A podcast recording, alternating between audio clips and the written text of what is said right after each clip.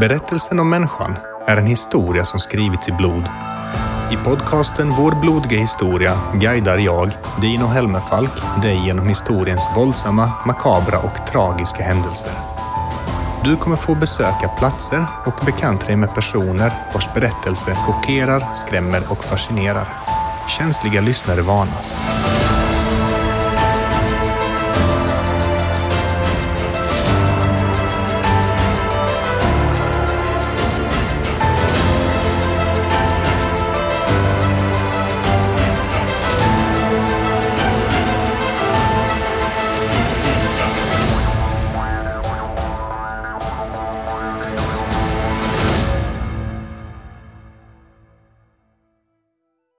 Kära fina lyssnare. Har du saknat oss? För vi har saknat dig. Välkommen tillbaka ska du vara till ett helt nytt avsnitt av Vår blodiga historia med mig, Dino Helmerfalk. Ljudet har i vanlig ordning rattats av ingen mindre än techmagikern och vår grå eminens Robin Freid. Som bekant för de flesta av er så fick vi göra ett litet uppehåll i publiceringen av nya avsnitt. Det var helt enkelt för många saker som kom i vägen samtidigt, framförallt covid. Men nu är ju pandemin över sägs det. Men eh, nej, det är den inte. Skämt åsido. Fortsätt att hålla avstånd och ta era vaccin. Det var några som hörde av sig efter vårt förra avsnitt och klagade på att vi skammade personer som inte ville vaccinera sig. Jag vill bara understryka, vi skammar ingen. Däremot riktar vi beröm och handhjärtan till de som väljer att ta vaccinet och slå tillbaka den här farsoten. Vi hoppas i alla fall att du som lyssnar är frisk och kry, vare sig du tagit en spruta eller inte. Om du inte är det önskar vi dig ett raskt tillfrisknande. När jag startade denna podcasten hösten 2018 var min tanke att skildra bland annat berömda slag och krig. Men det hela tog en annan riktning från och med säsong 3 då det blev betydligt mer personporträtt och avsnitt som skildrar något mindre kända händelser. Inget fel med detta. Många har ni varit som hört av er och berättat hur spännande och intressant det är att någon berättar om saker som folkmordet på Herero, John C. Woods och annat historiskt som vi inte kommer i kontakt med så ofta. Och så är det. Nya ämnen är intressanta för vi lär ju oss något nytt. Inget konstigt med det. Det finns ju skäl till att det ständigt kommer nya böcker om typ stormaktstiden och det andra världskriget. Vi återvänder helt enkelt till sådant som är bekant för oss, även om det handlar om att förfasas, som typ blodiga slag under stormaktstiden och allt lidande och elände under det andra världskriget. För både i mörker och ljus gillar vi tydligen det bekanta. Därför kommer vi i detta avsnitt att tala om ett ämne som du, om du har minsta intresse för vad som varit, garanterat känner till. Ett ämne som är så uttömt att manusskrivandets stora utmaning var frågan vad ska jag ta med? Men det är också ett ämne som passar utmärkt för denna podd, där vi som bekant tar upp mänsklighetens mörka makabra och tragiska episoder. Jag förstår att du som lyssnar väntar med spänning på det stora avslöjandet och här kommer det. Kära lyssnare, sätt dig i tidsmaskinen och ratta in årtalet 1942. Destination Sovjetunionen.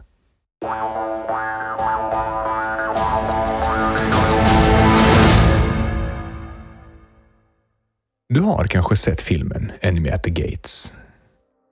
En numera 20 år gammal film där den kusligt skicklige prickskytten Vasily Zaitsev, spelad av Jude Law, utkämpar en katt och lek med en lika skillad major König i Stalingrads ruiner.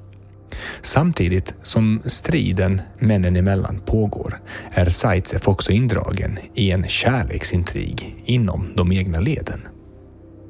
Allt detta ackompanjerat av bombastiska stridsscener där sovjeterna mer eller mindre kastar in de egna soldaterna i enorma köttkvarnar av tyska kulor. Den som vänder tillbaka möts av en ny köttkvarn, denna gången från den egna sidans kulor.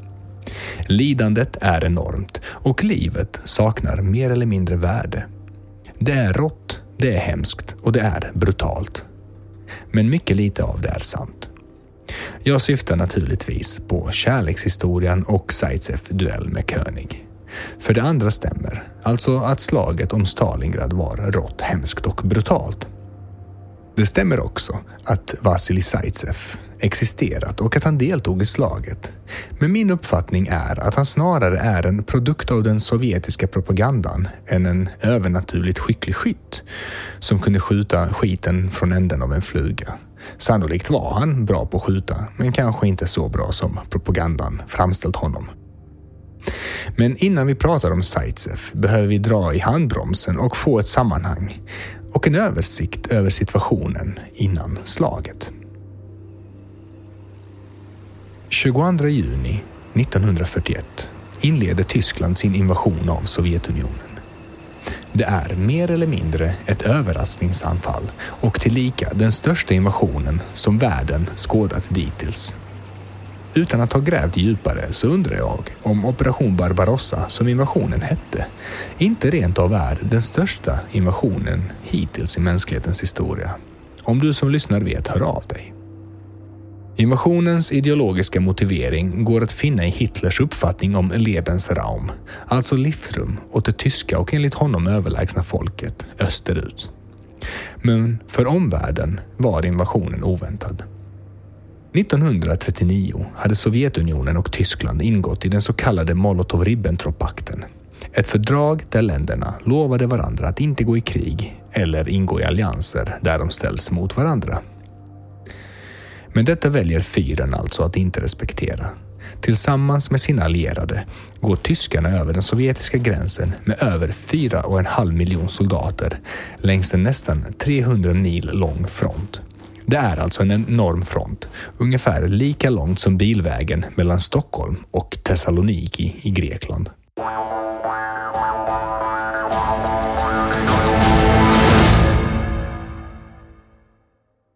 Axelmakternas gameplan gick ut på att slå ut Sovjetunionen genom ett blixtanfall. Så som man gjort mot grannländerna i västra och centrala Europa. Detta skulle dock visa sig vara en enorm felbedömning.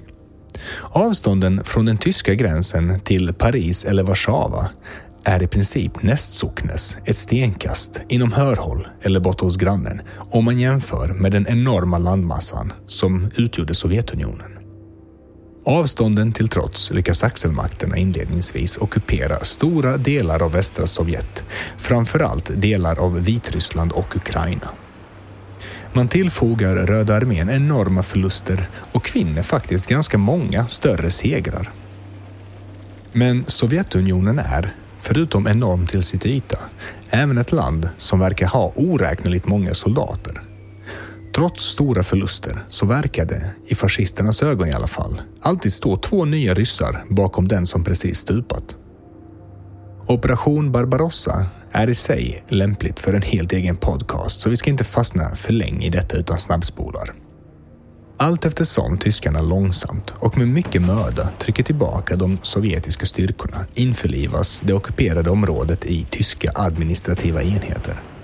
Fronten rör sig alltså österut och slutligen når man Moskva där kriget kanske hade kunnat få ett annat slut. Men icke. En enorm sovjetisk motoffensiv grusar snart Hitlers drömmar om att slå ut Stalin ur kriget och Operation Barbarossa kan därför, trots de inledande tyska segrarna, anses vara misslyckat och i december 1941 hejdas slutligen den tyska framryckningen. Vinterkyla och hårda ryska motangrepp knäcker till slut tyskarna och deras allierade precis på samma sätt som man knäckt Karl XII och Napoleon. Här vill jag dock understryka en sak, för jag var kanske lite otydlig tidigare. Sovjetunionen hade förvisso enorma mängder manskap, men man får inte frestas att tro att Stalin bara kunde kasta in så många soldater att tyskarna till slut fick slut på ammunition. Nej, kära lyssnare. Allt eftersom kriget pågick blev den sovjetiska militären en mer och mer effektiv krigsmaskin. Man drog lärdomar av sina erfarenheter och man lärde sig att genomföra effektiva motanfall. Under vintern 1941 och 1942 har alltså tyskarnas offensiv helt stannat av, men man lyckas ändå hålla frontlinjen. Visserligen kunde Sovjet fylla på sina förluster både i manskap och materiell relativt effektivt. Men för tyskarna var det en helt annan historia. Det är långt mellan exempelvis Vitryssland och de tyska industrierna på hemmaplan. Dessutom har stora tyska militära framgångar bundits upp vid andra krigsskådeplatser. För glöm inte, Tyskland är samtidigt inblandat i ökenkriget i Nordafrika. Detta tvingade tyskarna att omlokalisera stora mängder manskap. Istället får man förlita sig på sina allierade såsom italienare, rumäner och bulgarer. Soldater med betydligt sämre utbildning och utrustning än de tyska, vilket kommer visa sig ödesdigert. Där är hur som helst en råvara som varje modern armé är fullständigt beroende av och som tyskarna börjar råda desperat brist på. Olja. Och denna värdefulla tillgång finns i sydöstra Sovjet.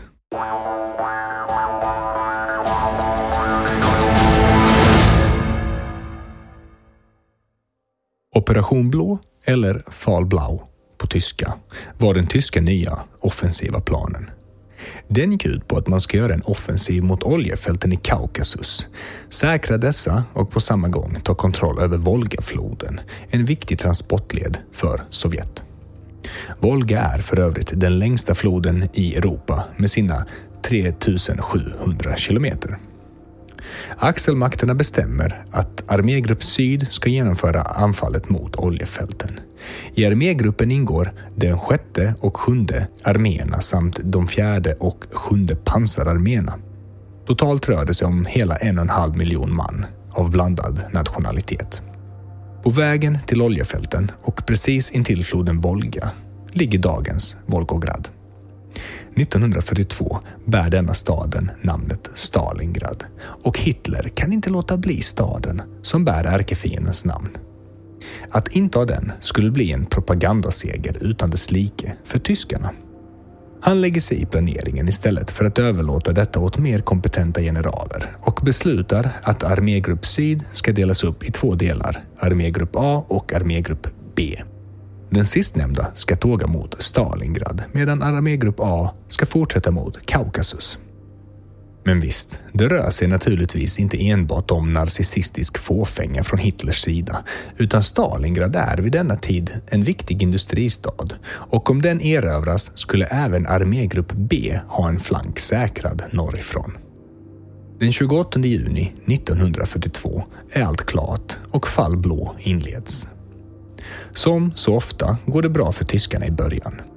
Stalin har majoriteten av sina styrkor längre norrut där man står i vägen för tyskarnas armégrupp Mitt och armégrupp Nord och där man skyddar Moskva. Hitler, antagligen ganska uppspelt över framgångarna, blandar sig återigen i krigsledningen och ger order om att den sjätte armén ska ansluta sig till armégrupp A på väg ner mot Kaukasus och oljefälten. Detta orsakar stor oreda bland axelmakternas trupprörelser med enorma trafikstoppningar till följd. Så illa blir det att den sjätte armén och den fjärde pansararmén blir stillastående i en hel vecka medan man försöker reda ut soppan som fyren skapat. Då ändrar sig Hitler återigen. Nu ska sjätte armén ändå haka på anfallet mot Stalingrad och Volga. Det ska även den fjärde pansararmén medan armégrupp A får fortsätta mot oljefälten så som det var tänkt från början. Ett fullständigt onödigt intermezzo alltså. För ryssarna är detta en skänk från ovan. Man ges tid att samla fler trupper i Stalingrad för den sovjetiska militära ledningen har räknat ut vad som komma skall. Man lyckas också kommendera trupper som flytt undan tyskarna till staden där ett försvar börjar upprättas. Läget är hur som helst kärvt för ryssarna, för de tyska trupperna som är på väg mot staden är överlägsna och man kan heller inte få in förnödenheter på andra sätt än över floden Volga. Jag förstår att det kan vara bökigt att få en bild av situationen i staden, geografin och trupprörelserna. Så därför kan du som lyssnar titta in på poddens Facebook-sida där en bild över slagets inledning finns att beskåda. I början av augusti 1942 når slutligen de första tyska trupperna Stalingrads förstäder från nordväst. Från söder anländer fjärde pansararmén. I staden har en ny armé upprättats och fått numreringen den 62 sovjetiska armén och den hade beordrats att försvara staden till sista man. Sommaren lider mot sitt slut och två av sin tids giganter står på varsin sida. Förutom enorma mängder militärt manskap finns det i Stalingrad runt 400 000 civila och de kommer bli de första som får känna på vad som väntar.